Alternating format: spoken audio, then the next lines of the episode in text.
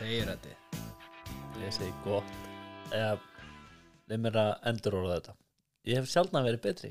Já, til lukku með tarfiðin Já, það kærlega maður. Tjöfull er þetta Þetta er alltaf jætt spennandi. Hrindir á úrdrátturinn Þetta er eitthvað svona Ég veit ekki. Þetta er eins og bara eins og eitthvað haftrætti Þetta er náttúrulega bara haftrætti Já, það væri sko það væri skemmtilegt að það myndi draga þetta eins og lotto. Það væri bara tölur og, og potter en þetta myndir alltaf taka veist uh, bara frá móndin til kvölds en, en, en það væri bara, veist, mánudagur svæði 1, Já, þriðjudagur svæði 2 miðugudagur, gera svona stemning úr þessu það er svona meistaradelda kvöld Við höfum nú tekið aðeins svona Já, tókum að það nokkur ára röð og þá vorum við alltaf að horfa á þetta saman og, og á, við hittist nú einu svona eða tvisvar á, á bar og, og vorum að setja þetta í beina útsendingu og, og gerum aðeins stemningu kringum þetta Já, já, algjörlega það er svona, þú veist, mér er svona vantaði stemningun í úrdráttin sjálfar, Já, það er alltaf já. bara svona glærur sem að Já, poppa svona þá áfram förum við yfir á svæði eitt Já, veist. Já, svo bara svona skrollast þetta í gegn sko, það væri gaman að væri svona eitthvað númer 56 og þá væri maður heima eitthvað Way! Ótrúlega fyndi núna þá hérna satt ég í stúkunni og á nettamótinu í köruballanum já, sinni mínum. Já, var að fylgjast með drættinum á, á, á bara í símanum og hérna leikunum var ekki byrjaði þess að strafnum og, og þá kemur það ég held að það hafi verið svona fjóra mínútur í leikinu eitthvað og þá fara þér yfir á svæði eitt tarfa.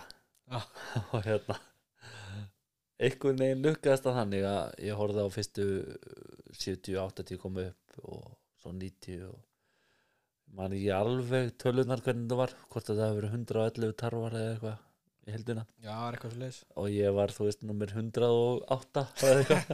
Og það er svona var einmitt að byrja uppkastið í körballaleiknum þegar að, að kemur upp nafni mitt. Já, og ég fagna eins og ég hafi unnið alla leikina á nettamótinu kona mín svona eitthvað sissa alveg þögn í stúkunni og hver var hann uppkastið?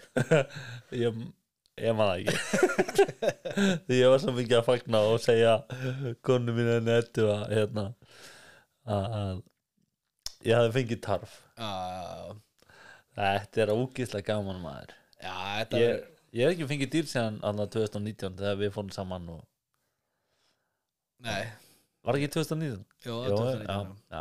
Það var ævintýraleg ferð. Já, það var ekki ekki sko. Fórum aðeins dítilega í hana, í þættunum hjá okkur Númer tvö. Já, nú við að reyna að gera betur og, og hérna velta ekki kerrunni og setja tónfísalat út um allt og eitthvað. Já, ég meina það Það veit aldrei hvað gerir góða sögu góða. Það er alveg satt sko.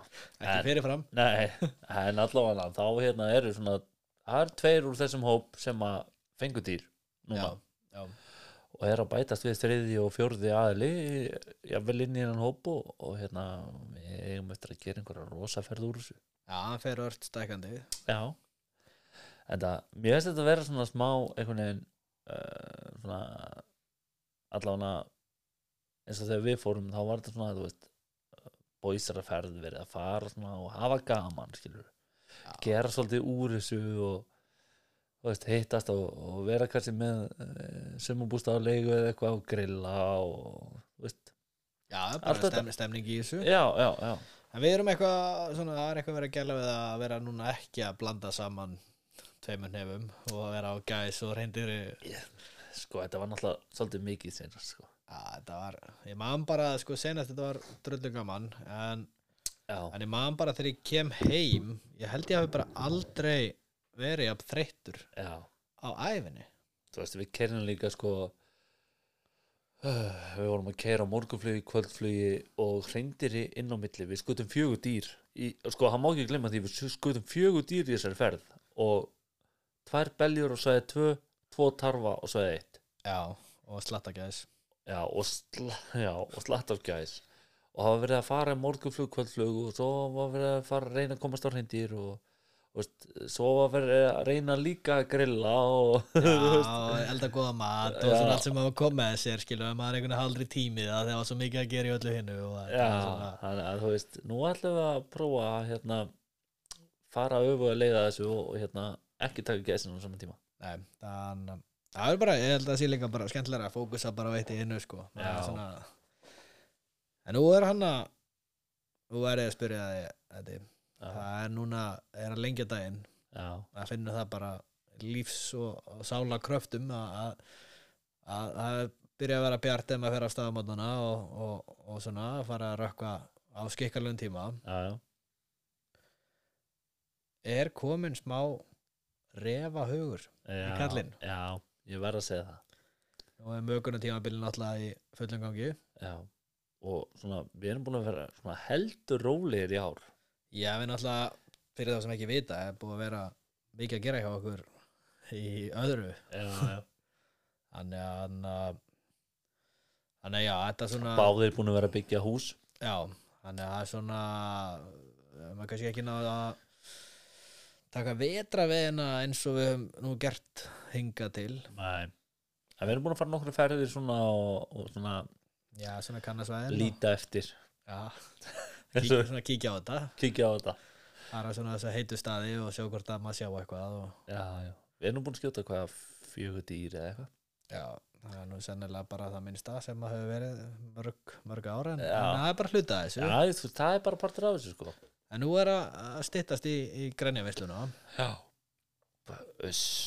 Og, og ég veit ekki með þig en það er svona, það er komin einhver það er strax komin fyrir yngur sko. Já, þetta er náttúrulega sko þetta er svo mikil upplifun og eitthvað er við það að liggja bjartar sumar nætur þó að sé langt, langt framættir og morgun döðþreytur og algjörlega búin á því það er eitthvað við það að liggja greinin sko.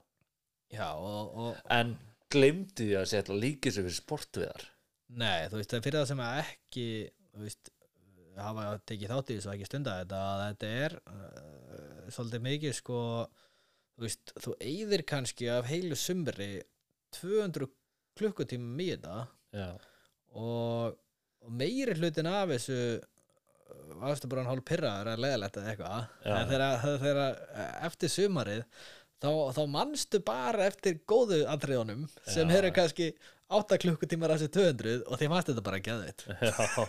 þú veist maður, maður er búin að vera að fylgjast með þessu umræðu með reyfaveiði í mörg ár og hérna jú, jú, áður maður fór í þetta sjálfur þá held maður að þetta væri bara svona já, þetta er ekki, maður skýst bara í þetta skilur þetta er, þetta er bara ekki stór mál. En eftir maður fór í þetta skilur þá sér maður alltaf meira og meira hvað þetta er rosalega mikil vinna. Þetta er gíkandi skvinna og hérna mér finnst svona finnst margir svona þetta er mannþakklótt vinna. Já, mér finnst svona að þetta hafi farið aðeins aftur úr uh, svona eins og greiðslur aðeins aftur úr tíma sko því að, þú veist jújú, jú, þetta er áhugamálið mitt og þitt, já, já, algjörlega. Og, og þú veist, og, og komið skaman að, að starfa en að gæsa lappa við áhugamálið. En, auðvitað e, en þetta er, þú veist, þetta er valla upp í, í kostnað og elsneiti það er nefnilega málið og, og þú veist og þú ert svona eiginlega bara að gefa vinnuna af því að, að því að heldarteikunar eru þú veist, jú það dekka kannski bensin og bílinn og, og mögulega skot. Já, já, já, eða eitthvað sko, en þú þarf náttúrulega þú veist, það er dýr, dýra græður, það er riffil það er þannig Jeppa. hansjón eitthvað handsjónuga, haglabissu, skot. Sexual fjörhjól eða, eða eða bara þú veist, halda þær í hörku formi og þú veist, það er líka þú veist, já, spotter, skóp já, dróna, þú þetta er alveg endalust að græðin sem maður þarf til að geta gert almennilega. Já. Og hann, en mér langar að koma að sinna að, að svona hvernig maður hefur þroskast í þessu. Að hérna og, og hann að þú gútir það ef, ef við förum hérna í, í fyrsta greinu okkar saman vorum, Já. síðan vorum við ránir sem grænjaskettir Já, ég, þú veist, ég minna, við vorum bara blöytir á bak við erum búin að, samt búin að skjóta fullt, fullt að tói, sko. og náttúrulega búin að vera fullu í vetravegin í mörg ár. Já, og, og svona, já, og töldum vorum bara graðir motherfuckers. já, vorum, vorum svona já, við vorum og töldum okkur vera uh, alveg með þeim betri þessu, svona hangað til að maður fór í grænjuvisluna þá Já. svona var alveg bara mind-blowing nýtt eitthvað svona, þú veist, aldrei verið þessu áður sko. Já, já, og við förum hann, það ringdi okkur hann að bara, já, byrjun júni eða lók mæ eða eitthvað svona, mánu á móti mæ júni og það er búið að sjá stýr og, og, og við greni og okkur er sagt hvar það er og, og eftir bæði var ég alveg gigantíska vinnu við að fara að kera allar bóndabæði að spurja hver greni væru Já. Við skulum fara bet, betur út í það eftir en Já, við skulum já. hérna klára þetta en við förum hana og, og, og leggjumst hann og komum okkur í einhverja 90 eða 100 metra og, og leggjumst og, og sjáum hana einn ylling Mhm. vera á vapinum og bara ok, frábært maður hann er yllingur og, og fylgjast bara eins með hann sjáum hvað hann gerir og svona og við skulum ekki, þú veist, sjá hvort það kom ekki fleiri út og, og bara svona pælum aðeins í þessu þetta er bara fyrsta greinið Já, og, og skoðum þetta. skoðum þetta bara, lærum aðeins já. og svo svona líður og býður og hann svona fer inn í grenið og svo kemur hann aftur út og, og svo fer hann inn í grenið og er svolítið lengi inn í greninu já. Og við erum svona, ah, þarna mistum við bara að því. Nú er bara, nú er bara færi búið þú veist, hvað er á pæla, okkur skutu hann ekki? Það er bara dauða færi og hann að og, og þú veist, shit, sko við ó, við, ef við fáum bara annað færi þá, þá bara tökum við hann, ekkert kjaftaði núna sko, ekkert kjaftaði. Og, og við leggjum hann á og svo poppar hann út og þá leiðum hann poppar út og svona já, við skulum sjá hvað hann gerir. Við skulum, skulum sjá hvað hann gerir, við skulum fylgjast aðeins með honum og læra. Og svo erum við eitthvað að fylgjast með honum og eitthvað svona og svo hann að svo bara, herru, ok, nei, nei, við getum ekkert beðið með þetta lengur. Ég er hann með sjónugun á honum bara alveg í krossinum og, og bara svona, já, já, ok, þú veist þá bara tökum við hann. Og eitthvað svona, já, það er tilbúin, já við bara, bara neglum hann, bara leiðan stendur hann akkurat upp á hólnum hann eða eitthvað sem við vorum að miða við. Uh, svo bara kemur þessi íspjörn inn í sjónugan ég var svo vel eftir þessu maður. Það var bara komið fullari dýr. Já, og, og ég bara alveg þeirri þýleika panik og negli bara og, og, og það liggur. Og, og svo bara já, hvort að þú hefur ekki bara skoðið yllingin hana í sömu aðrinu já, ég held að og, og við bara svona þvílít sáttir bara þetta geðveikt sko, bara geðveikt bara þvílít aðrið og, og já, já, eitthvað og, og, og eitthvað að ná í dýrin eða, eitthvað að láta þau liggja. Vorum náttúrulega búin að lesa til- helling til það að sömur vilja meina þú veist, í vetravinn að láta það liggja og eitthvað svona skilur svo er rosalega erfitt að finna til eitthvað um hvað menn vilja gera í grænja vinslunni sko. já, það er ekkert svona rétt úr ránd þetta er allt tilfinning og, og hérna svoleiðis. Það er alltaf hann að, það var hann að, við fórum sóta þau til að sækja að sjá hvort það væri læða eða stekkur og, og yrlingur. Og þetta er læða og yrlingur og við bara geðveitt maður og svo bara leggjumstu niður. Og við býðum og við býðum og við býðum og bara shit hvað við býðum lengi. Já, bara marga, marga klukkutíma Já, þetta var að fara sko. að líða eins og margi dagar sko. Svo bara, herðu veist, það er ekki fleiri dýr hérna. Veist, það er bara þannig, veist, þetta er bara búið. Og það var svona einhver skýta skýta slóði sem að gætt kyrt hana yfir tún og yfir eitthvað meli og, og lá svona eitthvað sirka áleiði sangað og, og, og eitthvað, já, já, við bara veist, sagt þú bara bílinn og ég hingra hérna á meðan og Við vorum búnir að hérna skera upp læðun og það voru tvö legur í henni. Það voru tvö leigur hérna, alveg já, já. þannig að þú veist að gat verið að vera annan kolpur en við vorum aldrei búin að sjá hann og hinn var búin að vera svo mikið úti að við vorum eiginlega bara, eða veist, þannig séu ekki með það að var ekki allavega, allavega ekki annar kolpur hann Já, svo var náttúrulega druna hvað vorum að býða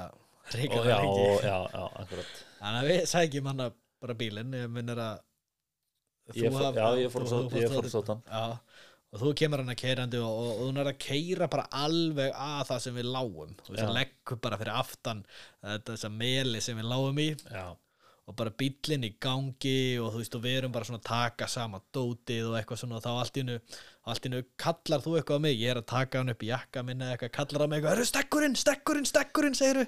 Og ég eitthvað, ha, hvað er þetta að segja drengur? Og ég eitthvað, stökk og drepa bílnum. Já, á bílnum eitthvað, stekkurinn hann er að koma laupandi maður, hann er alveg gargandi. Og maður er svona eitthvað, ha, leitu upp og þá heyrðum maður bara, já, því lík læti honum bara kom hann æðandi. Ég hef aldrei séð tignarlega stekk sko.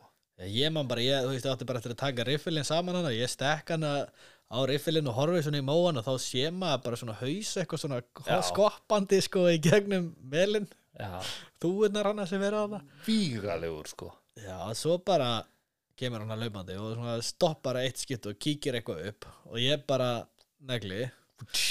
Og, og þú bara djöfullin maður, það hittir ekki. Og shit eitthvað, að ég held hann að að, eitthvað svo Þú held að hann hafi hoppað inn í greni já, hoppaði inn í greni eða eitthvað, sá eitthvað svona skotti eitthvað svona kiplast og, en, en jú, þá löpum hana og ætlum að kíkja á þetta eitthvað, tókum við með eitthvað haglabissu og, og það lá hann bara hann bentur undan greni, nei ekki reynda bentur undan greni, aðeins frá Já, en, fyrir utan eina hólu hana Eitthvað svona smá.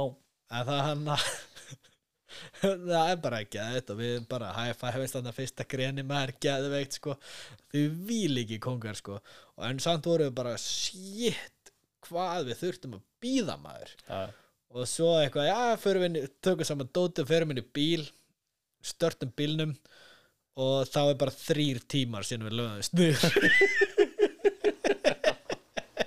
Þetta er náttúrulega sko Þetta er náttúrulega bara eitt mesta svona eh, bara djók sem ég heist hjá okkur sko. en, veist, þetta er samt svolítið við og þetta hefur aðeins einkend okkur sko. já, við reynum að finna leiði til þess að gera þetta sem hraðast. Já, líka ég held bara veist, þú veist eins og við höfum veitt refi áður veist, við höfum alltaf verið svona nánast bara í konstant aksjoni, eða þannig skilum við höfum aldrei þetta, jú, jú, vetravinur að býða svolítið og með æti, veist, en, en yfirleitt voru búin að tímasetja okkur þannig við þurftum bara ekki að býða mjög mikið. Já, Það var svona eitthvað, þú veist, og svo var maður bara þvílíkt spenntur, þú veist, allt svona í botni einhvern veginn, allt adrenalín og bara allt, þú veist, ég held að tíminn hafi bara ekki liðið með en sko, svo við för, spólum aðeins tilbaka og hérna, það var sem þannig að það var auglist starfið. Grennivinsla í hrunumann og hérna við sækjum um þetta svona saman og það var óska eftir tveim saman og við, ósk, og við sækjum um þetta saman.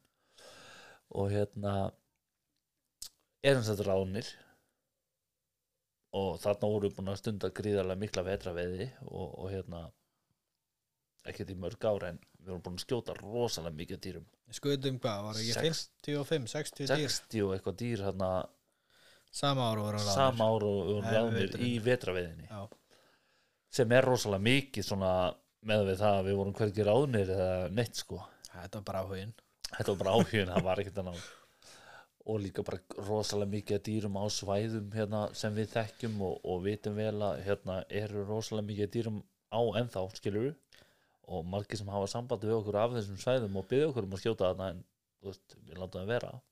Já, ég man bara hann að, fyrir ekki við skilja aðeins tröflaði með þetta, ég man bara þegar við vorum hann að að keira bara, mann nú ekkert hvað vorum að gera, við náttúrulega erum alltaf eitthvað fjandan að brasa, við vorum bara að keira eitthvað, hvort vorum bara, veist, kíkja eitthvað akkur sem vorum að fara að setja nefnum, eða eitthvað, og allan að keira sáum hann að sjáum bara tvær tófur já, inn á einhverju landi já, og bara förum bara shit, þú veist, förum bara ringi landeigandun já þú veist við vorum bara að fylgjast með þeim í klukkutíma. Já, sáum við hann tvær. Nei, ekki, fyrst náttúrulega sjáum við tvær og við erum bara að pæla, þú veist, hvað er að gera? Já, Þú veist, þannig bara bóndabæðir og, og, þú veist, bústæðir og alls konar. sumabústæðir hann rétt við og eitthvað. Já, bara, við, þú veist, við erum að tala með einhvern sjá hvort það sé, þú veist, hvort hann vi- vilji láta skjóta þetta eða ekki, sko. og, og við finnum að fyrir að fletta í ápundurins er hann að ringja þegar það er alveg fullt að bæjum hann já, ég bara eitthvað sjöbíli eða eitthvað hver, hver á landið og hann að og það er einhvern veginn símanúmer eitt að við förum hann að keirum bara og byrjum að banka á allan bæina já, þangað til að loksins komi einhver hann úr bara einhverju sumabústaðana þannig, eftir akkurat. Og átti landi og við segjum hann að við hann að séu, tvær tóur hann að nefur frá og, og, og þú veist hvort að hvort við megum bara reynilega að skjóta þér? Hvað er að gera hérna? Drölla sér niður og skjóta þér? Er það eitthvað rugglaður eða þetta er búið að geta allt helvitis Já. hann. og séðan gerum við það. Já. þetta er ævintýrjanlega það eldingarleik er bara rosalegt. Tvö dýr og þau og það var svo gaman að halda þeim báðum sko, þú veist, þetta var svona þetta var svona eitt af momentunum sem maður var bara svona ok, við erum búin að hlusta á alla þessa gömlu kalla að segja okkur hvernig á að veiða tóur og við fórum akkurat auðvarlega þeim.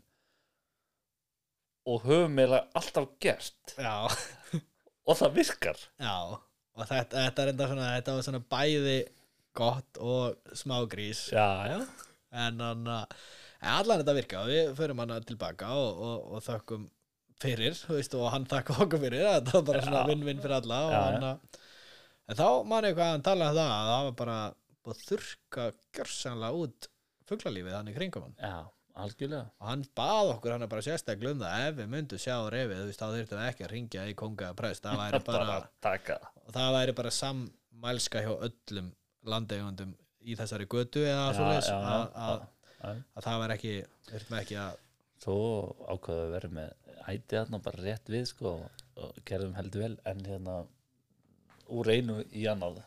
Hvar var ég já uppafinu, við sóttum um þetta. Já, fengum við sóttum um þessa gerðin við og fengum hana. Nema hvað að við fengum enga punta, engin GPS um það hvar greinin væru. Bara null. Bara enga liðbenningar whatsoever. Nei. og við fórum og bönguðum upp á og heimsóttum hvern einasta bonda hér um bil í Sunnumannarhrepp Nei, Nei, þú veist- En það var samt, veist, við bara tölum um fyrst og hann benti sér á já, næsta og já, næsta, næsta, veist, það, það var svona, þú veist, þetta var svona á alla þá sem okkur var bent á að tala við. Og við fórum í kaffi til þeirra allra. Já, og hérna ég man svo vel eftir því að við erum svona komnið með svolítið af upplýsingum og svona og, veist, og fólk farið að frétta af okkur og við varum gráður og svona og það var að byrja söðbur þarna á einu bænum og e, það var búið að sjá stýr þarna dag eftir dag eftir dag. Já, Og við- og við erum að hérna við erum að fara við erum að fara heimsækja einhvern bónda og en það ringir annar bóndi í okkur þegar við erum á stóra lagsabrunni það er hérna, það er tóa hérna. Já, segir við. Hörðu, við, við erum bara komin eftir tímyndir Svo rennum við hlaðan bænum eftir tímyndir og, og bóndin hann og traktan með eitthvað stápar Já, hún er bara hérna austu frá Nei, nei, það sagði hann að ég sá hann að náðan á sléttunum. Já, fyrir Já, eitthvað. Svo brunnum við það inn eftir maður og Nei, þú verður ekki að munna þessu hérna. Við erum hann að tala við hann. Já, já, hann hann alveg eitthvað svona að segja okkur eitthvað benda Já. ég sá hann hana fyrir klukkutíma hann að innan frá, fyrir neðan ána eða eitthvað og, og svo hann að og við erum eitthvað svona að spjalla við hann og ég tek svona upp kíkin eitthvað meðan við erum að tala við hann og þá sé ég hann bara í fjallinu hann við bæinn sko. Já. Æ, þessi börsnell sjónaugar maður. Að geggjaður sko. Það er bara eitthvað eins og eitthvað röng en á dýr sko. Já. Ég er ánægð með sponsorinn okkar veiðúsi sökku sem að hérna, stendur nú fyrir þessum þætti.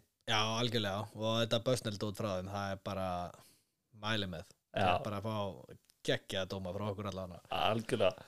Og þú sér þetta dýr þarna og, segir eitthvað við bóndan eitthvað já, herðu, ég held ég sjáum bara dýrið verður sæl ég seti í gang hérna og við keirum aðeins lengra. Og þú ég, þú hleypur út í bílnum og leggst hann upp í gyrðinguna hann sunna með við bílinn og skýtur og beint, hittir dýri beint hleypur upp og sækir á við erum svona kannski þrjár mínútur síðan við töluðum við bóndan Já, þetta er svo, svo ég lýsi þessu betur sko, þetta er svo, þetta er svo, þetta er svona algjör slembi, þú veist, ég hoppa hann út bílnum, já, legg riffilin bara á fyrsta gyrðingastöður hann við Já. veginn og bara kíkir hann á og tóa hann svona, lítur á mig, skýt bara svo bara geðið. Nema bara náttúrulega fyrir algjöra tilílun og þetta var, þú veist ég ætla bara að segja hreint út, þetta var ekki mitt besta riffilskota því ég var ekki með hann á þessari Já. gyrðingu þá ætlaði ég bara að skjóta hann í búkin en, en enda að sprengja hausin á hann. Já. og hérna við þú, leipur hann út og sækir hann og skellir hann bara pallinu og svo snúum við og hittum bara bóndan bara strax aftur. Hann er hvað, já, sáðu hana.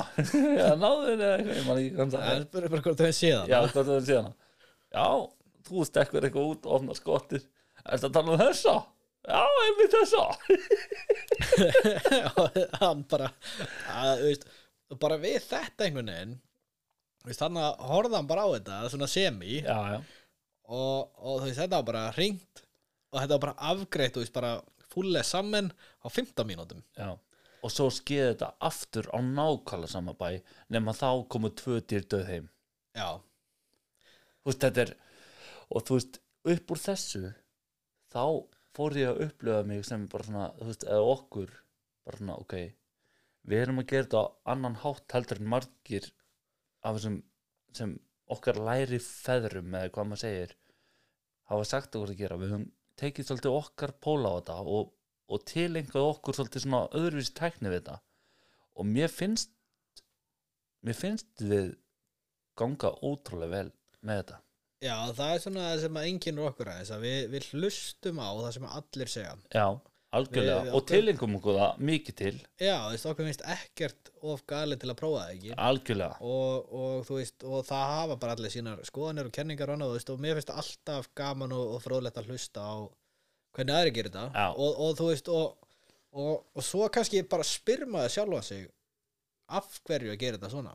Af hverju ekki gera þetta hins veginn og það er svolítið það sem við erum búin að vera að prófa. Algjörlega. Og þú veist, og sumt að náttúrulega virka bara ekki neitt. Eins og við erum alveg komist að líka já, skilurðu. já, já, En, en svona heilt yfir, þá svona þú veist, það er ekkert eitt rétt. Nei Þú veist, það, er bara, það er bara allt rétt eða ránt sko. Dýrin haga sér allt, allt öðruvísi núna heldur en þau gerðu fyrir 20 árum síðan. Já, já, maður minn sko. Þetta er búið að breyta svo svakalega. Já, og þannig að við þurfum líka um, Já, svo ég segja bara núna þetta, hann að við erum að fara að fá hvaða greina skiptu með hingaði þáttinn.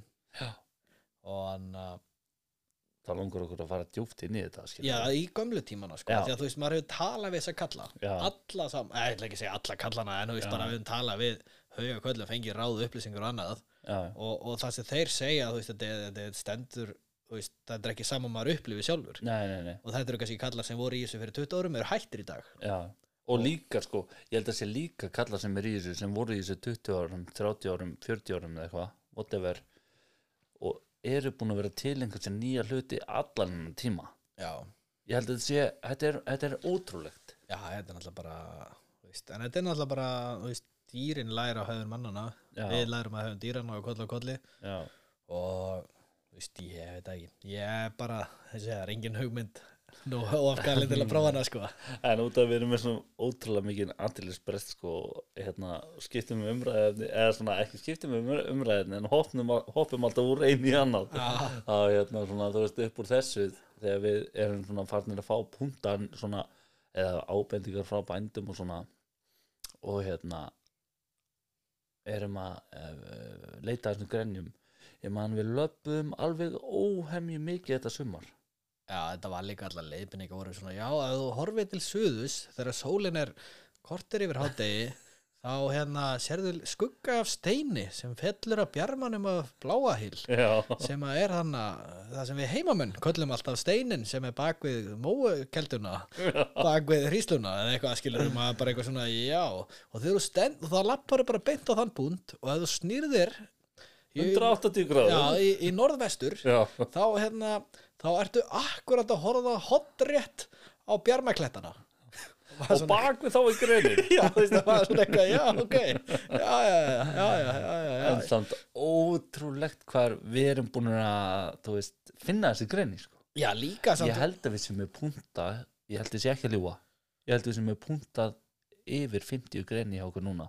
Gömul og ný. Já, er rétt, já, ég held að það séu 57 já, en, en, en það sem við samt svo geðið, mér langar að koma inn Já. að, að þú veist, síðan ertu að labba eitthvað að leita á eitthvað svona í kjartæni og síðan ertu bara hittir á það að þú ert actually bara hann á þessum tíma og sérð skuggan af einhverju steini eða eitthvað, whatever og ferð bara þangað og svo lítur hann yfir og sérð bara einhverja kletta og ert bara að horfa akkurat hóttir á þá og þetta meika svo mikið sens að þú veist, þetta er bara svona þú veist bara shit hvað þetta var góð leiðalýsing en þegar þú ert að hlusta á gæja að segja þetta þá ertu bara svona eitthvað, þú veist, ertu á eiturlifi með það þú veist, leður búin að finna staðin þá ertu bara svona, vá hvað þetta var ógeðslega dítelað og góð leiðalýsing sko. ég veit það. Og eftir að maður eftir að maður er búin að vera að labba og skoða, skoða sérstaklega þessi gömlu gler- greini sko þá ef mann er búið að dreyma stundum um að fá að veiða á þessum greinum. Já, það var eitt annað draumagrinni sem við fengum já, að vinna. Já. Rosalegt.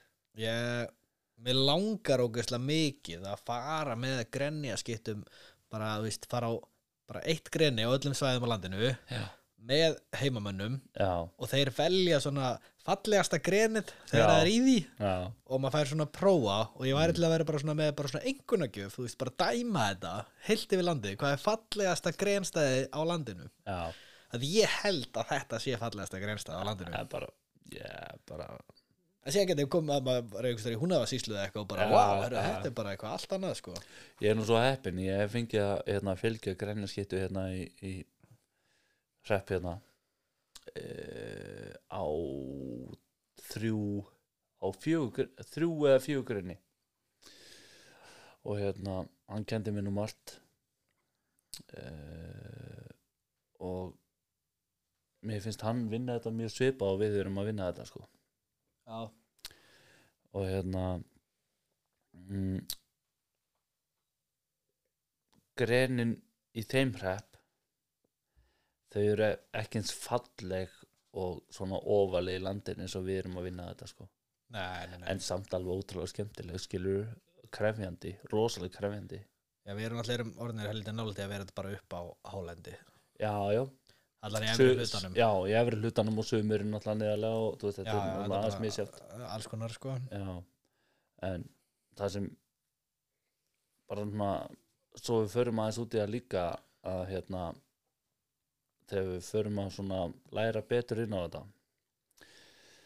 Þarna vorum við að tekka í greinin svolítið oft eða tekka á þau skilur þóttum við ekki verið að fara alveg að þeim eða svoleiðis, við vorum að tekka fyrstu ár, fyrsta ári vorum við að tekka svolítið oft í hvert greini svona eftir að við erum búin að læra hans meira inn á þau þá erum við farnir að ná að geta bara verið með spottir í bílnum bara, ég veit ekki hvað er margir kilometra fjarlæð 2,4 kilometrar sem að ég veit allan að ég mældi þess Já. að vorum bara að horfa á yllinga já, það sem við getum bara verið með spotterinn bara á rúðun á bílum tekka bara svona já ok, það er í þessu greini. Svona, þannig að það spara svolítið mikið tíma finnst mér allavega að hérna, geta verið svona tilengar sér þessa nýju hluti og þessa tækni í dag til þess að vera ekki að eyða alveg mörgum klukk, klukkutímum í það Nei, þannig að það er veist eins og fyrsta ára okkar þannig að þurftu við bara að labba og Já. ráðum bara að stíga hvert einasta greina því að við, veist, við urðum bara að sjá það. Já, já, við við byrjum með og svo myndum við vita hvernig þetta að vinna ef það var í því og annað sko. Algjörlega, algjörlega. Og hérna, svo finnst mér eins og núna, þú veist þá er maður svona búinn að spotta öll þessi grein, helstu greini og, og eins og þú sagðir á hann 57 stykki sem við erum að kikki í. Já, þetta er eitthvað, jú það eru kannski 11 greini sem við sjáum spot, með spottendum en öll hinn við þurfum að labba og labba og labba og labba, þú veist, að fara margir klukktímar í þetta. Þannig að það eru átta greini allavega í einu fjalli hana. Já, og ef þú ætlar að tjekka í þau öll sjá hvort það sé ábúð einhver af þeim já, þá er þetta annarkvort bara heildags göngutúr. Það er bara 14 tíma bara að ferða á mótnana og ert komin bara um kvöld tilbaka niður að bíl. Mhm, eða að þetta fara á fjörhulega sexuáli en þá er það að kaupa slíkt. Já, já, og það, það er ekki inn í, inn í dagstanum. Næ það er það væri, væri gott að vera með afnóta af hjóli eða eitthvað sko en, já, já, en það er svona, þú veist og ég þetta er ekkert sem maður allar eitthvað að kannski fara að grenja yfir en það er svona, þetta er ekki alveg svona í takti við verðlag dagsins í dag, þetta væri flott, þú veist, fyrir 20 árum. Já, já, algjörlega. það væri svona, væri en þetta það bara er þetta taksti síðan, ég man ekki alveg uh, 1900 ég held, ég, ég þór ekki alveg að fara með það, en ég held 1980 og eitthvað. Já, ég er nefnilega að segja svona bara eitt stutt, þú veist, ég átti náttúrulega heim í Bólingavík og þegar ég var krakki þá var að uh, strákur sem bjóða mótið mér, besti vinnu minn þá. Mm pappi hans var grenjaskitta á hotströndum þannig að það var svo fyrir friðun já, og hann kom einhvern veginn með illingana ég var hann yfir sumar sko sem í, sveit. Já. Á hotstælunum á hotströndum já, og hann kemur með illingana heim og, og hann að og við ölum hann svona upp eða svona þetta er bara gælutir einhvern veginn yfir sumarið og svona stemning bara. Já, já, og og svo erum við að fara heim. Og við máttum ekki taka hann með heim. Þú veist, hann alltaf bara bannað. Já, þannig að uh, já, hann var bara svæfiður. Fór í sveitina. Fór í sveitin, fór í sveit. Já, og, og vinur minn var svo miður sín. Að hann að þetta er gert. Mhm. þannig að hann mátti þess að fá gjald skottsins mm, í staðin, bara hann mátti bara kaupa sér ís en nammi eða þú veist, hvað sem hann vildi. Já, og þetta hefur verið svona í kringum 2000 2001, 2002, eitthvað svoleiðis. Já, kannski 2002 ég er ekki alveg með ártalina reynu þetta var svona eitthvað í kringum þetta. Og, og þá fa- man ég að hann fekk borgað 8500 krónur. Já, fyrir skotið. Fyrir skottið já, sem var alveg flennipinningu þá þú sko, kefti sjómvarp fyrir tíu skall sko. ekkert, stæðsta Nei, gæst nei, keftir skilur actually sjómvarp þú getur ekki kefti sjómvarp fyrir átta skall í dag sem er svona algengt verð á skotti skilur. Það er svona þetta, er, við erum konum svo langt aftur þú veist, með þessi verð og svona skilur. En þú veist, ekki það. Við viljum alltaf alls ekki að verði hérna útrým tóunni á Íslandi það, þetta snýst ekki um það alls nei, ekki. nei, nei, þetta, er, þetta er eitt fallegast að dýra landsið sko. Og, og þú veist, þetta snýst heldur ekki bara um bændur að verja lömb og bla bla bla. Þetta Nei. snýst svo mikið bara um að verja náttúruna því að við erum að missa, sjáum bara eins og grákessastofnin, eins og við höfum nú verið með nokkra hérna í þessum þæ- þætti hjá okkur sem að mm, benda á fjölgun tóunar sinstu ár já, og fækkun grágæsar uh, varpi já, eins og hafliði kom á í Já. þættinum akkurat uh, er þetta ekki bara þú veist, það sem er að gerast ég meina, þú veist, tóman er að við höfum lendið í að, að við erum að skjóta dýr með 5 og upp í 12 unga í kjaftinum á hverju sinni sko. Já, já, já, algjörlega. Og, hana, og þú veist það sem er svona þetta er ekki alveg nógu mikið talað um. Og veist, þetta er allt er orðið svo viðkvæmt í dag einhvern veginn. Já, já, og, og þú veist ég man bara eftir svona, ég man eftir tilruninu sem við gerðum hana 2019 held ég að verið. Mm, þegar að við uh, skutum hana árum ránis renniskýtur Já. yfir veturinn þá man ég við tókum ákveðið svæði sérstaklega fyrir. Mm og það var, jú, þar sem við förum að veiða rjúpu. Já, og við bara, ok, þú veist, núna ætlum við bara að veiða allar tóðunar Já. svo að verði náða rjúpu. Já. og við liggjum hann yfir þessu svæði. Maður, ég veit ekki hvað er meitt miklu tíma. Þetta er náttúrulega alveg fritt, þetta var bara eitthvað svona tilrenni okkur þetta var bara svona þetta, að við bara, við tilengum okkur þetta því að okkur langaði svona að forvitnast um hvernig þetta væri að virka. Já, og við hana við skutum hana frá hausti bara frá því að mátti byrja að skjóta tófu 1. ágúst og fram að vori þá ætla mátti ekki skjóta, skjóta tófuleiku 1. mæ og svo byrjuðum við bara aftur 1. ágúst næsta haust og við manu tókum þá hann að þetta er árið sem við skutum svona mikið af tóm já, já, er, já, já og við manu tókum hann að ef ég er ekki að muna villist, það voru held ég 26 stýr eða ekki Jú. Og og þetta var bara allt á þessum okkar rjúpnalendum. Ég sendi e-mail á sveitastjórnina sem á þetta setja, er, setja þetta land. Hennar afrétt. Og þeir segjast vera með samling við grænskeitur sem að segja að sé ekki tóa hana já, ok. Allan er nóg þetta var svona smá útusnúningur Já, allan að, en ég maður samt að við tókum hann alveg bara þevílitt á þessu. Þetta er, þetta er ekki, þú veist þetta er alveg mikið land Já, en þetta er, er ekki samt, þú veist samanborið við hálendið er þetta ekkert mikið land. Þetta, er bara, þetta er bara þetta er bara svæði. þetta er bara svæði, þetta er bara okkar rjúpna svæði þú veist, þetta er kannski uh, þú veist, 30 fær kilometrar eða eitthvað, skiluru og tókum hann 26 dýr. Og manstu hvernig þetta var um haustið? Já, síðan bara leðilegt að vera rjúpu. Já. og ég man við röltum hann að viku áður en að sísoni byrjaði með riffil með okkur eða skildum sjá tófu. Já. að svona skoða aðstæður. Væri mikið af fugli, væri lítið af fugli ætlum að fara hann á næstu helgi. Jari jari. Og guðminn góður sko. Þetta var bara veist, þetta var bara í tonnavís hana. Mm og, og bara líka, veist, ég man bara hvað mikill munur að ég held ég að setja mér sinna á Snapchat að, að þær voru svo spakar. Veist, ég var bara að labba hana bara við þeim, sko. -hmm. kipti sér ekkert upp við það Nei. Þetta, þú veist, hann síndi þetta og sannaði sig að hérna þetta virkar halda tónni En ég man að Anna helgin eftir, ef við löpum sér á rjúpu að þá fyllum við bara pókan og, og förum bara heim sátir en, en síðan svona já, var maður ekkert að pæli mikið meira þá, þú veist, við fórum bara innan eina túr á þetta svæði, þetta var bara eitthvað svona forvitnist tilrenni á okkur, við bara veitum nóg fyrir okkur þurftum ekkert að veða mikið meira og jú, fórum einhverja tvo gungutúri viðbútt og skutum þrjár rjúpur og hvori eða eitthvað, þú veist, eitthvað svona bara bara létt Já, bara hafa gaman að þessu, bara að vera sig aðeins en Mm. hann að en síðan eins og fór með grennivisluna Já. og þú veist, ég man sérstaklega eftir hennar fallega grennu sem, Mhm. að sem að við viljum helst vinna á hverju ári sem er auðvitað flottasta greinstæði landsins. Já, að þar uh, þar horfðum við á dýr koma heim á greini. Já og það leggur á beit mhm,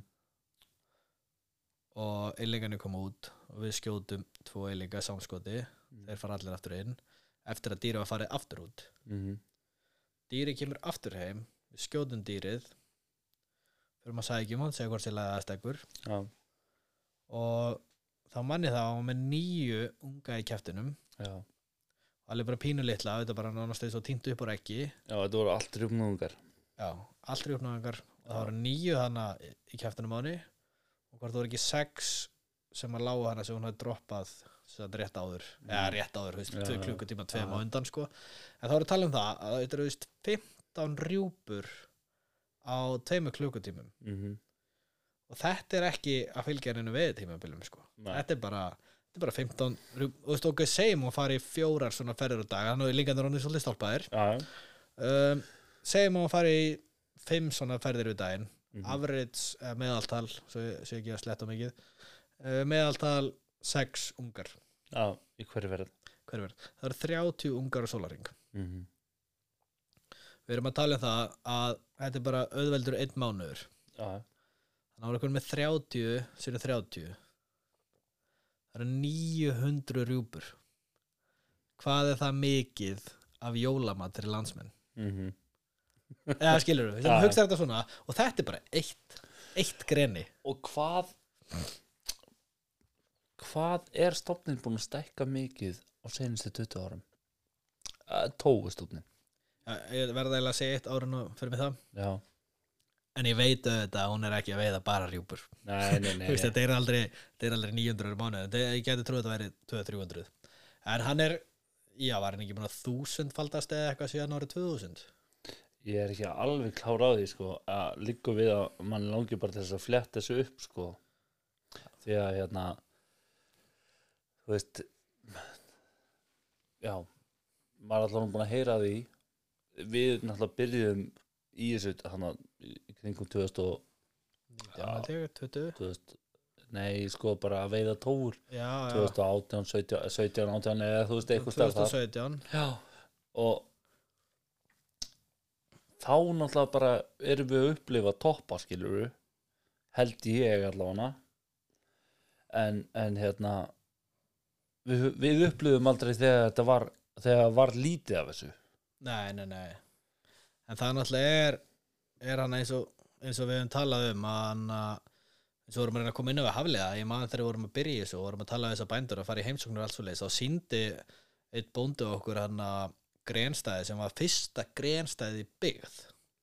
Já, og, og maður svona já ok, þú veist, já frábært og hann að og, og, og það var ekkit langt síðan það var 2006 og svo það sem við höfum verið að skjóta gæs á öðrum stað það eru töluðu búndan og þá var hann einmitt að segja með kríuvarpið. Það var alltaf svakalega mikið kríuvarp hjá hann bara alla tíð. Já, og svo bara allt í hennu kvarf krían. Og ég fer að spyrja hana hvaða ár þetta var? Jú þetta var svona 2007-8 sem að krían bara kvarf bara hefur, hún hefur bara eitthvað svæði sagðan. mm og maður svona já ok hann að já merkilegt og, og hérna en en hefur eitthvað tíðan verið grenjaður tógreni já. Það var einmitt, ég fann einmitt fyrsta greni sem var fundið í byggð hérna á þessu, í þessum sveita eh, hérna bæjarhæp já, og maður svona, já það, já, það er bara hann að fyrir aftan melin hann að útrá. Mm já, já, já, hvernig var það? Eh, já, það verið svona 2005-06 já. Sama ára og hjá okkur. Og þú akkurat, veist, 2005-06 hann er með risa kríuvarpana já, og það er horfið þreim ára senna mm. það er ótrúlegt. Veist, þetta, þetta segir bara allt sem segja þarf. Ef það getur einhver dýrategund komið á eitthvað svæði og þurrkað út aðra dýrategund þú veist segið, þetta snýst ekki um að útrýminu nei. Þetta snýst um að halda henni skefjum. Algjörlega. Sko Ég ákvað að fletta hérna þessu upp Því að Árið 1979 var Reifastótnir í sögulu lágmarki hérna á landi. Eða undir 1300 dýrum með talið. 1970 eh, 1979 Já, N- og svo næstu 30 árin þá ógstofnin samfelt og haustið 2007 var áallega stofnin teldi um 9000 dýr. Já. Það er svolítið svakali fjölgun. En er eitthvað komið, veist, eru nýrri rannsóknir? Er komið eitthvað nýrra? uh, sko árin 2008 til 2011 fækkaðir efnum aftur á Íslandi segja þeir Já, og 2000, 2018 er stofnin talin 8700 dýr, dýr. mér finnst þetta að vera svolítið svona uh, já, já þetta er svolítið hæpið en, en þú veist, síðan aftur á móti býtu leið mér að segja hérna eitt því að árun 1979 til 2018 voru veitt 75.143 fullorðindýr og 38.420 villingar frá 1979 til 2018 Já, Þú veist, þetta er rosalegt magn af dýrum. Já. En það er náttúrulega líka eins og þú veist, eins og verið pælt í skiluru þú veist, kannski hérna áður fyrr eh, það var náttúrulega bara eh, svona norðurlandadýr já, já, norður heimskautadýr og hann að kannski en áður fyrr veist, var þetta mér upp á Hollandi og var ekki að sækja hérna niður í lálendi í byggð sko. en, en en þú veist, nú höfum við veitt rosalega mikið af tóu á hálendinu Mm við höfum kannski ekki verið bara mið Íslandi Nei, við höfum nei. verið bara hál- upp á hálendi já, bara í óbyðum. Og það skortir ekki dýrin þar. Nei, og þeim skortir ekkert í byggð. Nei. Og ef að þú veist, 2000, og þú segir hérna 2008 mm það er stofnum verið jafnstórnur í dag. Já, og það er þá þrem árum eftir að dýr byrja að finnast í byggð. Já, þetta er svona þetta er á gráðsvæðis þetta er svolítið skrýtna tölur ef ég var að segja eins og er að því að þú veist að ég veit að bara fyrir víst að, að í byggð í dag er bara massíft magna greinstæðum já, og ég veit að sem að við erum að rjúpu á fleiri stöðum er massíft magna greinstæðum já, já. Og þeim fjölgar frekar heldur en fækkar. Já, já, og, og hann og ég held að, að veist, ég held að sé bara verið að gefa henni miklu meiri frið upp á Þú veist, upp á, veist, þjórsaverum ég, hann að frændi minn var þar síðasta, síðasta sumar hann að göngutúr bara skoða þetta og svona og sjá að hann er skitta sjálfur og var að skoða hann að bara já, bara skoða þjórsaver bara, bara fór í göngutúrana fjara dag göngu eða eitthvað og, og þá fann hann bara greni. Já, og hann er aldrei pælt í þú veist, hann er bara það gren á bakveðurinn það var bara greni. Já, og það var bara öll heiðagesar hefur í kring. Já, bara fjæðrir og eggjaskurð og drasl. Já. Og, og svo bara bein og dót í, þú veist, við grenið og hann bara svona, sendur mér einhverja myndar að þessi bara er, þú veist, þetta er greni eða ekki? Og bara greinilega útmókstur og allt, þú veist, bara, ó, þetta er greni, sko. Já, hann eitthvað, ok, ég ætla að fylgjast með þessu. Og, og svo sá hann hana bara eitthvað klukkustundum senna sá hann dýr hana, sko. Já, þú veist við Íslendingar við erum svo gætnir á að taka þátt í tískubólum eitthvað svona. Og það er eitthvað stær verið að friða eitthvað dýr í heiminu þá viljum við fara að friða eitthvað hérna á Íslandi og þá viljum við friða refin og það hann er svona fyrsta landnámdýrið auðvitað viljum við hafa ref á Íslandi. Við, við verð, þú veist það er bara okkar markmið er að hafa ref á Íslandi auðvitað. Hann á tilveru réttina en hann ástand ekki tilveru rétt þannig að hann fari bara að slátra öllum okkar stofnum skilur við Nei, algjörlega og ég, þú veist og ég, ég veit, þú veist, bara sjálfur ef að ég myndi, eða við þú veist, ef við myndi lendi því bara, þú veist, næsta sumar, ef við myndi bara fara við grenjumelluna og það væri bara allir þú veist, í einu greni já, þá myndi við fara að spurja spurninga, sko. Þú veist, við myndum ekki bara, já, herri, nú bara kílu á það. Og bara slátrum þessu greni Já, því að við viljum auðvitað halda stofninu þetta snýst ekki um það að, að, að, að útrýma neinu, sko, þetta er bara að halda þessu skefjum, sko. Við erum að reyna eins og einn góður vinnur okkar hefur marg oft tug, eh, svona verið að tyggja onni landsmenn. Við erum að reyna að venda náttúruna. Já, sko, tóan er partur af náttúrunni. Já, við erum að venda hana líka. Já, uh, Snorri Rafnsson. Þetta er eitt mesti og besti náttúru unnandi Íslands. Já, minkavegin hjá honum, hann sinnir henni svo vel því að uh, minkurinn á ekki heima í íslenskri náttúru Nei, það er eins og það dýr sem að má svona reyna að, þú veist, við, okkur mun aldrei takast að útrýmjónum saman hvað. Nei, ég ætla að segja en að má ganga svolítið á já, stofninn, það sko. má ganga eins langt á stopnin og mögulega hægt er, skilur við Já, en þú veist, það er sama, hann er náttúrulega líka í þessu tó, tó, tófiði og, og ég veit það, ég veit það að hann er að hugsa svipa á við. Já, að það þarf að það þarf að fækka stofninum má ekki útrýmjónum til þess að halda þú veist þessum fuglategundum.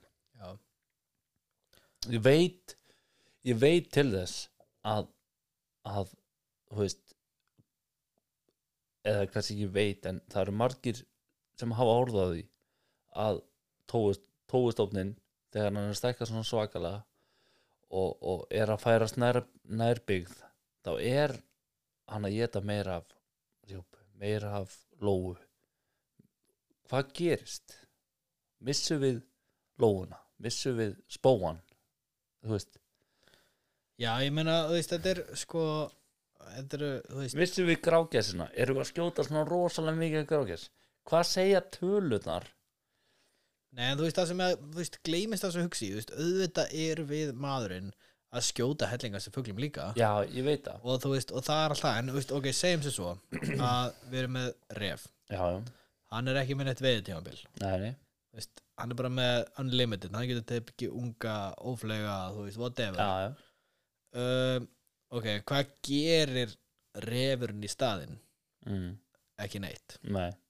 Síðan erum við með okkur veiðimenn mm, og bara mannkynnið bara í já, og veist, við skjótum fugla og borðum það á bara eins og refurinn. Já og skilum, skilum út lífrannum úr úrgangi Já, bara eins og refurinn. já, já, en, en, en hvað gerum við á móti? Jú, við erum að rækta landið. Já, við erum með veiðtímabil, já, já. alls konar hömlur. Mm, veist, við erum ekki að taka óflega veist, Já, við erum bara jari, jari, jari, veist, það er svona 50-50 séns í öllu, en, en veist, við erum alltaf svona ég held að væri ekki að mikið grágis á Íslandi ef að væri ekki mann, mannkynnið Nei, auðvitað væri það ekki því að þetta snýst alltaf um ræktun í landbúnaði og, og þú veist fóður og, og fóður fram, frambóð og, og fleira. Já, og bara líka eins og við höfum verið að rækta upp hálendið og annað, veist, við erum að breyta bara sand, söndum eðamörkum í, veist, og það er sett hann að kjötmjól og, og það er rækta landið, þú veist, þetta er Já. allt sem að, þú veist, við erum að hjálpa til, Já, já, það er allir að hjálpa til og að hjálpa náttúrunni, skilur við, og, og, veist, og ég myndi að segja að við mannkinni verðum líka að hjálpa til og að hjálpa náttúrunni með því að halda reyfi skefjum, já, algjörlega. Að því að þú veist, til hvers að gera allt hitt, mm ef það kemur síðan bara einhver einn dýrategund og ég dur allt í burtu. En svo er svo ætla ég að skella einni svakalegri í andlitið á þér núna Jón Já, Núna erum við búin að stunda grennavislu frá landnámi já, svona hér um bil Af hverju er tóustofnin samt að stækka? ég held. Það, þetta, að, er þú svo- ert að lokka minn út í umræðinni sem að já, ok, Nei, ég, þú veist, ég meina, þetta, þetta er svakaleg spurning, skilur já, ég, far, seg, að þú ert grænarskita og farið þessa spurningu Þetta er engin smá spurning. Nei, ég Eh, er samt Byrju, er það ekki eitthvað vitlist af hverju stofnunum alltaf að fjölga samt er að stunda grænslu og þú veist, það er verið að stunda vetra við líka, þú veist, hvað er í gangi? Já, ég held, maður, ég ætla að segja mína skoðun. Já, og þú mátt segja að segja þína já skoðun ég, ég vil nefnilega líka fá að segja mínu skoðan já, ég ætla að segja mína skoðun og, og, og, og svo segja þú þína skoðun. Ég er nefnilega hugsa það. Og mm. þetta er annað eitthvað sem ég held að veist, eins og maður hefur talað talað við bændur og svoleiðis að veist, þetta byrja aldrei í byggði fyrir 2005-06 eitthvað svona, já, á Já, þessum árum. Annars var þetta bara þekkt á hálendinu. Og þessu gömlu grunni skyttu sem að tala við veist, þetta bara var upp á fjöllum og, og dýrin alveg svakalega mannrætt bara þú veist, alveg bara veist, það mátti ekki bara vera neinleikt já, svo er frið á hótströndum mm og Já, það er bara gott að blessa. Þú veist, og mér finnst alveg fínt að hafa bara frið heimili fyrir hver einustu dýrategund á einhverju stað. Já, það er bara gott að blessa það. Og... en hvað gerist þar? Jú, það er fullt af túrista.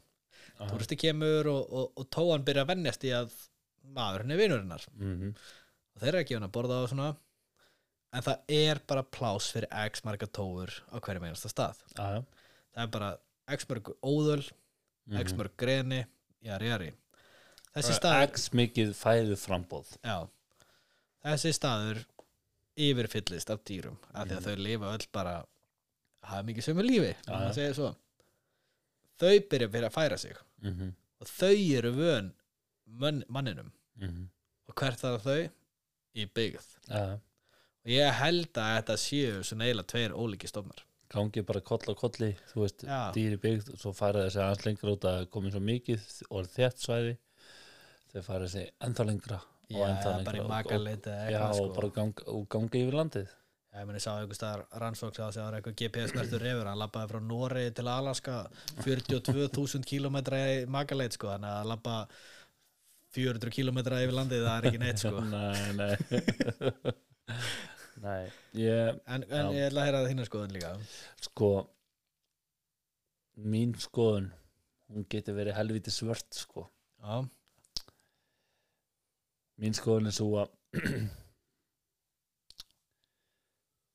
mér finnst margir ekki taka sér sem svona hvað maður segja opnum örmum að taka ábyrðina á sig þú veist margar grænjaskittur erum eitthvað x-svæði segjum bara þurfum ekki að nefna svæði við segjum bara, svona, erum x-svæði Nú, já, hérna er tóa og það hefur ekki verið tóa þarna í mörg ár og í sama grennu eins og upp á hálendi. Þú veist, á, við erum búin að tekja þetta greni í 20 ár, 30 ár það eru 40 ár síðan það var seinast skotið í því. Það er ekkert verið að leita mann frá nei. Uh, ég held að sé gro- rosalega mikið að tóðar miklu, þú veist, miklu meira heldur um menn gruna og þú veist, ég held ekkert, ég veit það. Við, við erum búin að þvælast það mikið og við vitum betur. Um, við erum ekki með svona svæði upp á hálendi í greinavislunni við persónulega sjálfur við erum samt alltaf að skoða þetta í kring og við erum bara búin að veist, ég veit ekki. Við erum búin að eyða svo mörgum klukkutímum við að skoða og fylgjast með þessu. Og, og ég held að hérna, menn sé að líta fram hjá grenjum rosalega mikið. Já, ég held að ég held að, sé, svo í klári þá held ég að það séu rosalega marga grænjaskittur sem að hérna vinna bara þessi það er erfitt að segja þetta en það, þú veist, ég held að séu rosalega marga grænjaskittur sem að vinna þetta bara svona þægilega skilur Já, þú veist út að lítið borgað. Já við fórum og tókum þessi greini segðar skilur og, þú veist, það er ekkert meira. Nei. Þeir eru ekki að leita þú veist, þeir eru ekki að leggja þetta ekstra á sig eins og, þú veist. Já, þú veist, maður finnur það sjálfur skilur við Já, náttúrulega líka miklu minna eftirlit. Já. Það fa- færri sem kvarta já, eitthvað sem kvartaðn upp frá og svoleiði skilur við samt vantar alltaf einhver lömb á uh, hjá bændum þeir koma niður að fjalli og eitthvað svona. En það getur alls konar komið upp á júbólga hjá rollum og bla bla bla ástæða, einhver ástæður skilur en það er sama skilur ég held að þetta spilir rosalega mikið inn í og líka það sko veist ég hef heyrt suma tala um að grennivisla sé hérna, ekki málið og það er bara stund að vetra við og eitthvað svona.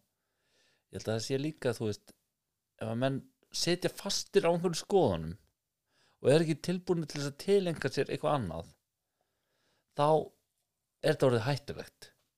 Maður verður alltaf að vera með opin hug gagvart öllu saman. Algjörlega, sko. Og líka, ma, eh, ég segi það líka maður þarf sjálfur að vera opin líka fyrir því að hætta kærnivinslu og, og vera bara með vetruveiði en þú veist, maður verður þá að sjá árangur á svæðinu skilur við Já, ég er alveg sammálað að menn verðast ekki vera alveg tilbúin til þess að þú veist breyti einhverju gera eitthvað til þess að sjá árangur. Já, það er einhvern veginn bara að mynda sér allir sína skoðun já, og, og, hún bara rétt. já, bara berja í borðið og segja bara, "Það er svona á þetta að vera. Já, en það er bara eins og þú veist, maður hefur bara upplifað að það er bara, það er engin leið rétt. Nei, þú veist ég, ég segi það bara á fullu við erum svona svolítið búin að taka þetta á kæruleysi Já, en samt að, þú veist við erum búin að sína okkar hrepp það að við gerum þetta virðingu skilur við sinnum okkar störfum. Já líka má sál sko. Að, já, bara 100% bara hjarta.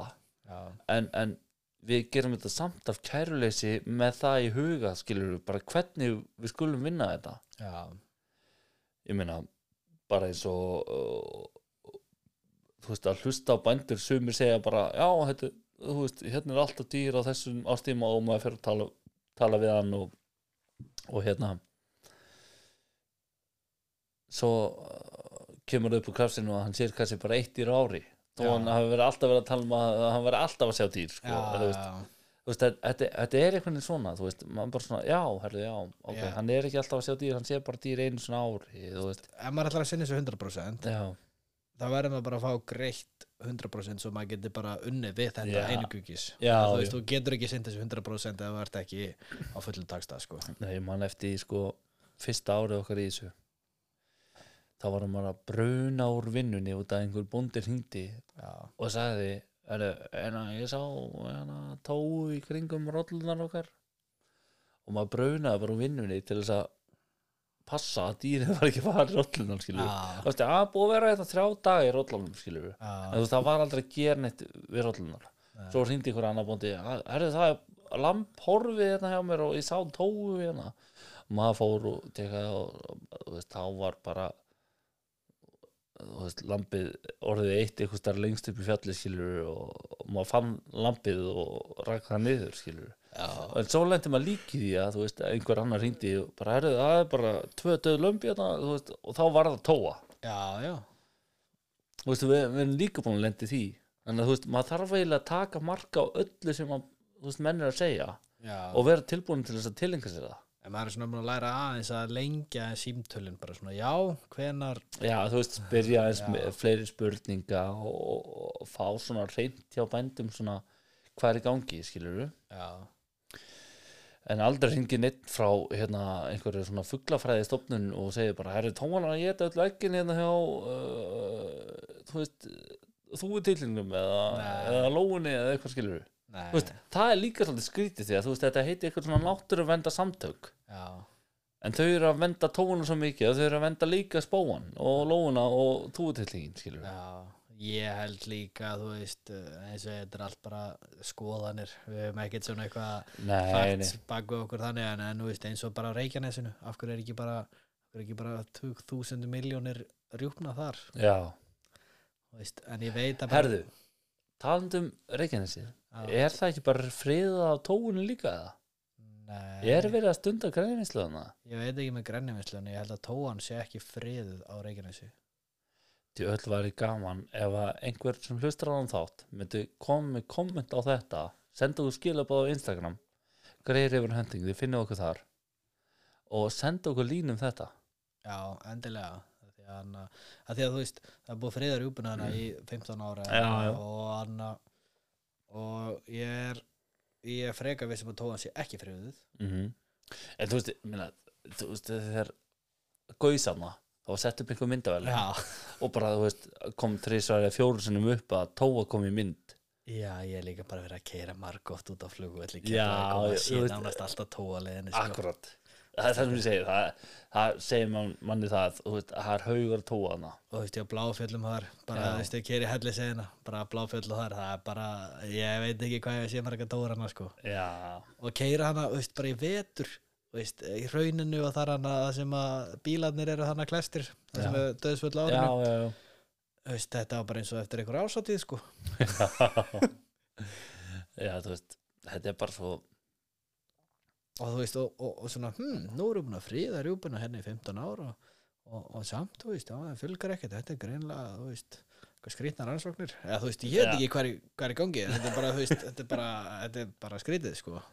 Sko, ég veit til þess í einhverjum af okkar næstu þáttum er að koma til okkar ági ármanns.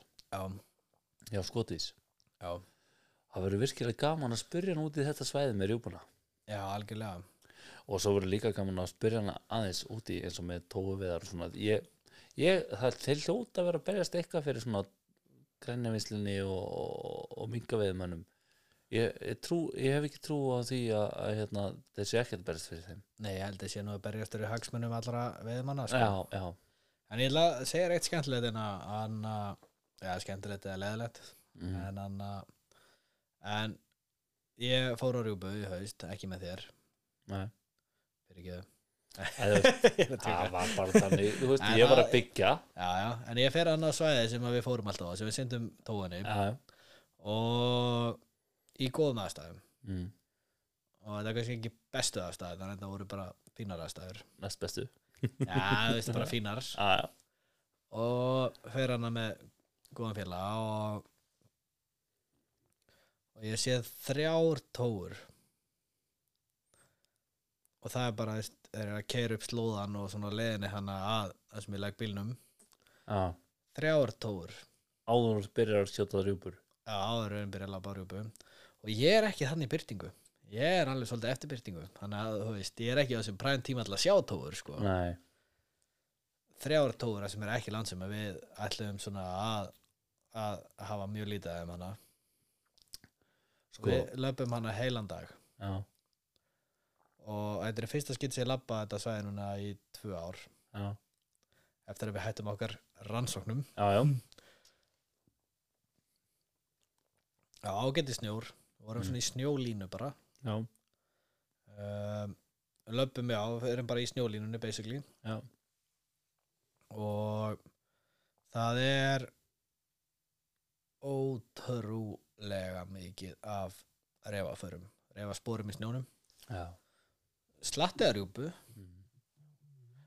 en hann að en við endum á því að við fengum ég held, þú veist, fjórar eða eitthvað já. rjúpur, sáum kannski fimm Já. en það var þetta var bara, þetta var bara eins og annað svæði heldur en þegar við fórum hana í okkar rannsókn sko. Já, sko það var bara, maður sá það bara strax veist, þetta bara, veist, fyrst held ég að það hefði bara einhver maður að labba hana með hund sko, já, að þetta var bara búið þvera hvert einasta gil og, og, og laut sem hann fór í en þá var þetta bara tó, bara, Ég held til miður Jón, að hérna eins og þessar rannsóknur sem við vorum að gera og við náttúrulega, við svona aðeins skráðum þetta niður hjá okkur og hérna á öðru ári þá reyndar, ég, ég man eftir þessu á öðru ári eftir að við vorum búin að sinna svona vel þá komst ég ekki með í fyrstu rjúknaferðin á þetta svæði. Og ég var sjálfna verið að dreður og, og þá ferð þú með hérna góðum félag okkar og þið gerið alveg bilaða veiði rjúpna, á rjúpnaveiði mæli hvarða þá gerið alveg bilaða veiði fyrir háti fyrir háti við vorum, Já. búin, við vorum búin með fjara manna kóta klukkan tíu. Já, akkurat. Og þeir svona bara svona, já, við erum bara að fara að leggast það heim. Ég er svona, út að ég ætla að koma til okkar eftir háti út að ég var að vinna til eitthvað eitt eða eitthvað. Og svona, já, við erum bara að fara heim. Bara svona, af hverju bara, við erum bara búin að skjóta okkar sko, Já. sko. já. Bara, ha? Þetta ok. Herðu ég segi við þig, hana, Jón, við þurfum að fara næstu helgi. Við þurfum að skoða þetta. Við förum aftur. Næstu helgi. Og ég, ef ég mann rétt þá var ég með þarna var yngri hundurinn hjá mér bara svona frekar frekar nýr. Já, og ég var svona bara, bara þjálfan. Og mér langaði bara svona að sækja kannski fjórar rjúpur eða eitthvað svo leiðis við byrjuðum sko eins og þetta var skráð í dagbókina þá byrjuðum við að labba klungan tíu. Við vorum konar aftur í bíl hálf tólf. Þá var ég búin að skjóta þessar fimm rjúpur sem ég, ég ætla veist, mér langaði að ná svona fimm rjúpum yfir daginn. Já, þú veist, ég var ekki droslega bjart í það. Það var komið. Já hundurinn var búin að sína veist já, ég var búin að láta hann sækja þessar fimm rjúpur.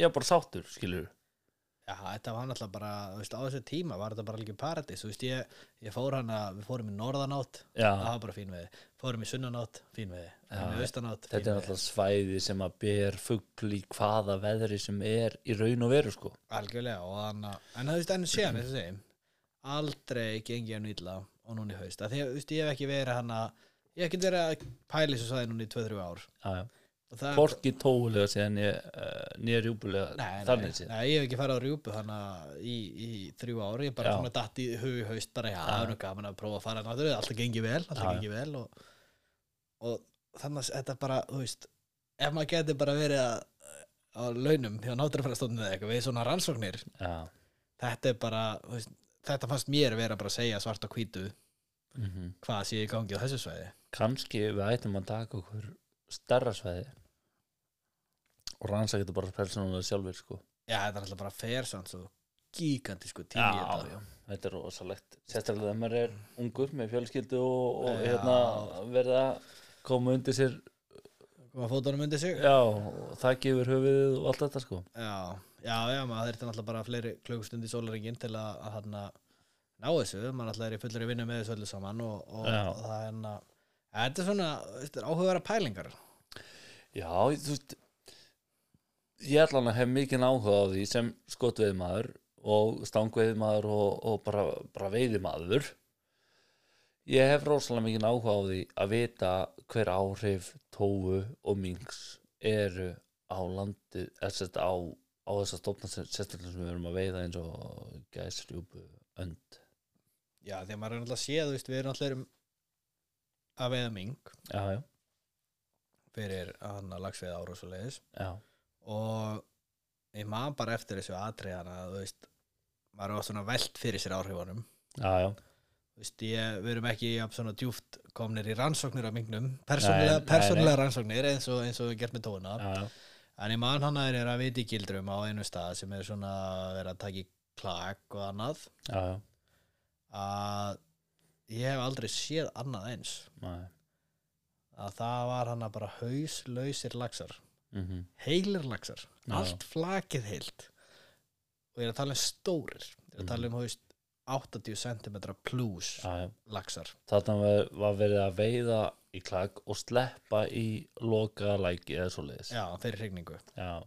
og þetta er bara litli lægir Mm með góðum heljum og svona. Já, já, bara mjög kjöra þetta en við erum hann að sjá um þetta svæði. Já, með gildru, búin að fara með hunda og allt. Mhm. allt gerur græða einn mingur mm sloppið í gegn. Kemur bara slátra þessu. Já, og þetta var bara hauslausir laxar. Og það sem ég fann svo magnað, þetta var bara bara skorið með sko bara fínum steikanýf mm. bara hausinn af. Já, og svo láð þetta bara svo ráfið út um alla bakka. Ég veit það. Þetta er sko ég, eins og ég er nú oft spáði við erum með rosalega flinka hundaveiðmenn og þú veist, nú erum við að svona reyna að sérhæfa okkur í gildraveiði og, og, og svo leiðis og fá uh, svona reynda hundaveiðmenn eins og snorra og, og þú veist, óðinn og ég er hérna á Íslandi. Já, svona kallar eiga að fara í samstarf og við erum í samstarfi við þá. Já, við eigum að vera í samstarfi við þessast kalla og gera rannsóknir sjálfur já, það þýðir ekki bara að láta náttúru venda sinna sinna rannsókn. Nei, að að við erum að horfa á þetta allt árið um kring já, þeir farið sína rannsóknarferðir og allt svo Já, leiðis og veistu, ég ætla ekki að taka þeim ég held að þeir séu bara að gera þú sína vinnu. já en, en þú veist, við erum bara, þú veist, maður er svo mikið að pæla í þessu já, og maður er svona mikið að spyrja af hverju og af hverju ekki hinsegin og af hverju ekki þetta að þú veist, maður er að hugsa um þetta allan ástæðsring og maður fer bara í sína eigin rannsóknir. Já. Þú veist, ímyndaði bara að menn eins og Snorri Rapsson hann hefur unni við þetta í fullri vinnu núna ég veit ekki, síðan 2000 og hvað, 17 Já, eitthvað slags bara verið í fullri vinnu við þetta. Já. svona hér um bil. Og þá erum við ásandi að sinna gæsa veið og svolítið skilur en uh, við erum að tala um að það fer undir þetta mars, april, mæ, júni júli og oft, oft ágúst. Þetta er, er hálft árið sem hann er bara að vinna í kringum þetta. Og þetta er ekkert eitthvað 8 til 5 jobb sko. nei, þetta er bara allir dagar bara mótni til kvöld sko. já, og mörg hundru kilometrar af fótum og veist, þetta er rosalega veist, á þessum sex mánuðum vinnur hann vinnu fyrir tveggjara einstaklingsskilur og þetta er borgað á við tveggja vikna vinnu Já, og þú veist, fátakling svona þarf að skoða miklu, miklu, miklu meira. Já, að því að þú veist þú var líka ekki eins og við veiðimenn séum eins og Kjartan sagði fyrst þætti, við ætlum ekki að fara að veiða síðasta lagsin í hilnum, við ætlum Nei. ekki að veiða síðustu gæsina, við ætlum ekki veist, við, það er engin veiðumar sem er reyna útrýma neinu, veist, þetta er veist, það skiptir engum máli ert að veiða. Það vilja allir, þú veist, halda öllu góðu. Algjörlega. Þannig skil ekki okkur þetta er ekki meiri samstarfi við veiðmenn sem við erum rosalega tengdur í náttúruna. Við erum hérna bara úti á okkar frítíma hálft árið. Já, svo er líka svo stór partur af þessu. Það er það að uh, í bæði minkaveiði og tófveiði finnst mér. Já, þegar að stofnin er hár þá er svona, já, við svona taka átak og það er allt sett í bótt, skilur svo er búið að fækka þessu. Svo er þetta stoppað af eða hægt á þessu, sett minni peningar. Já, hvað gerist þá? Stofnin fyrir aftur upp og það er aftur að fara að taka átak. Já, í staðin fyrir að taka bara þetta er bara x mikið sem við setjum í þetta á hverju ári og þetta er bara það sem við gerum á hverju ári. Og þá höldum við stofnum í skefum já, svona eins og við erum búin að gera á þessu svæði sem við erum núna með í mingaleit við sjáum í gildrur. Við fáum snorra til þess að koma og taka hundaleit já, eins og ári. Persónulega myndum við sjálfur vilja vera með gildru við hana fá snorra tvisasunum ári já, í hundaleit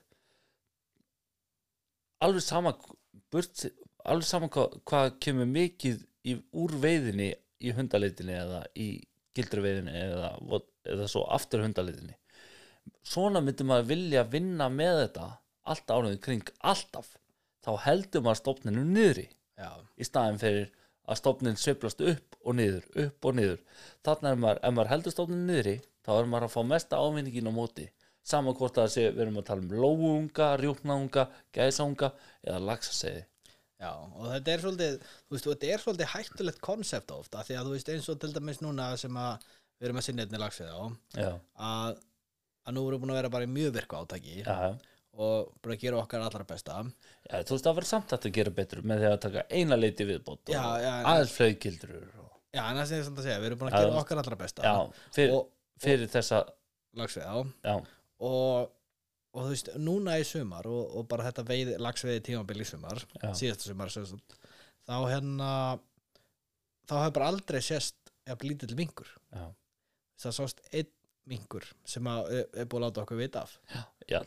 Í allri áni og, og þá erum við komnir aftur á þessi hættumörk. Já, núna bara svona ok það sást bara einn mingur já. Þannig að nú ætlum við bara að hætta átakinu En það má ekki gleyma því að þetta átak er fyrir x uppæð segjum bara segjum, þú veist, já, segjum bara að það er fyrir x uppæð en út af við erum svo samvinskusamir þá unnum við fyrir þessa uppæð fjóru sinnum en rukkum bara þessa x uppæð já já en, veist, svona, svona er þetta. En ég, en ég bara segja þetta á öðru að þú veist, ok, núna bara svona sem er hættulegt Já. í þessu, að þú veist, núna erum við bara búin að sinna þessu mjög vel mm og, og það er bara, veist, sjáanleg munur, bara greinilegur.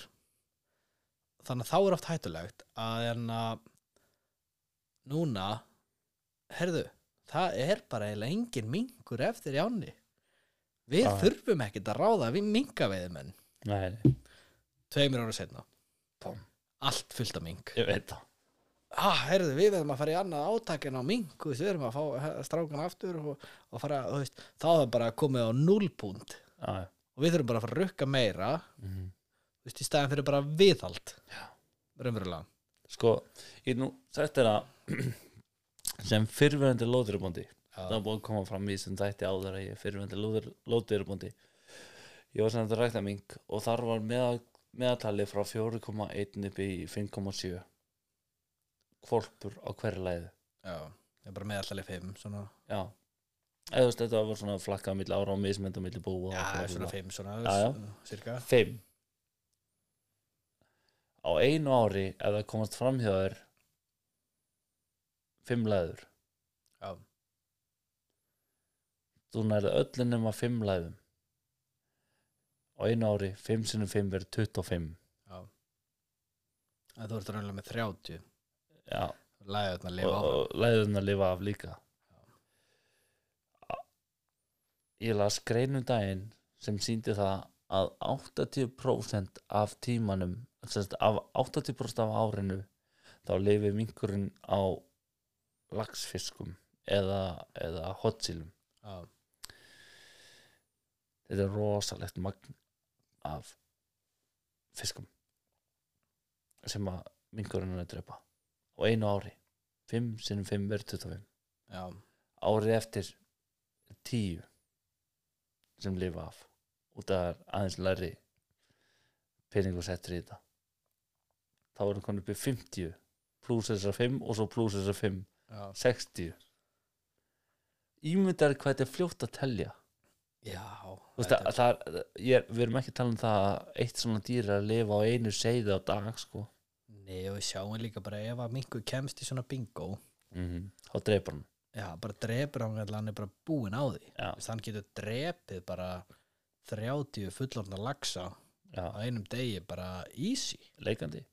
Og hann er ekkert að geta á, hann bara drepur á hann bara dreipa þá, hann dreipar til þess að dreipa þetta, er dýr sem er sturlaði hausnum. Já, og þú veist pældu hvað það væri góður dagur hjá þér ef þú myndir fara í lagsviði og drepa 30 laxa. Þetta væri bara besti dagur lífstíðs í, í, í stanguði sko. Já, ekki það í dag þá myndir þú sleppa þeim öllum.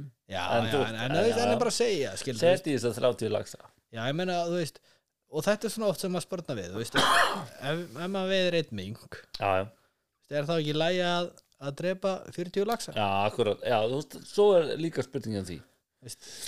er ekki bara öll þessi veið og sleppa hugmyndir? Er þetta ekki allt gengur þetta ekki bara allt í gegnum minkin Já, þú veist, ég held bara að náttúran ég veit ekki, þú veist jafni sér svona sjálf Já, sko, þú þurr- veist, ég, ég vil sjá rannsóknir, álfur rannsóknir í kringum þetta allt saman, tengið þetta allt saman og, og svona. Já, ég er bara uh, já, veist, ég er búin að hlusta svolítið eins og, eins og við byrjum hana á að fá að taka upp í hilnum ég er búin að hlusta mjög mikið á hilin og þeir eru búin að vera með hinn og þessa fiskiransóknarmenn hjá sér í viðtölum og, og þú veist, ég veist þetta bara geggjaða fróleikur um já, já, Þú veist, það er engin, þetta er og öll öðru það er engin sammála. Nei, algjörlega já, já, eitt segir að þetta skipt engum máli og næsti segir að þetta skipt öllu máli og þetta er bara, veist, bara geggja að hlusta á vísendamenn sko. já. En þú veist já, þetta er bara að- það var ekki ógeðslega gaman að fá meiri rannsóknir í kringum þetta allt saman Já, væri gaman að fá veiðimenn til að taka þátt í rannsóknum. Já, til þess að, þú veist, fá þetta ég myndi, ég myndi tilnefna hérna óðinloga og, og snorra til þess að vera svona fórsprakkar í því sko.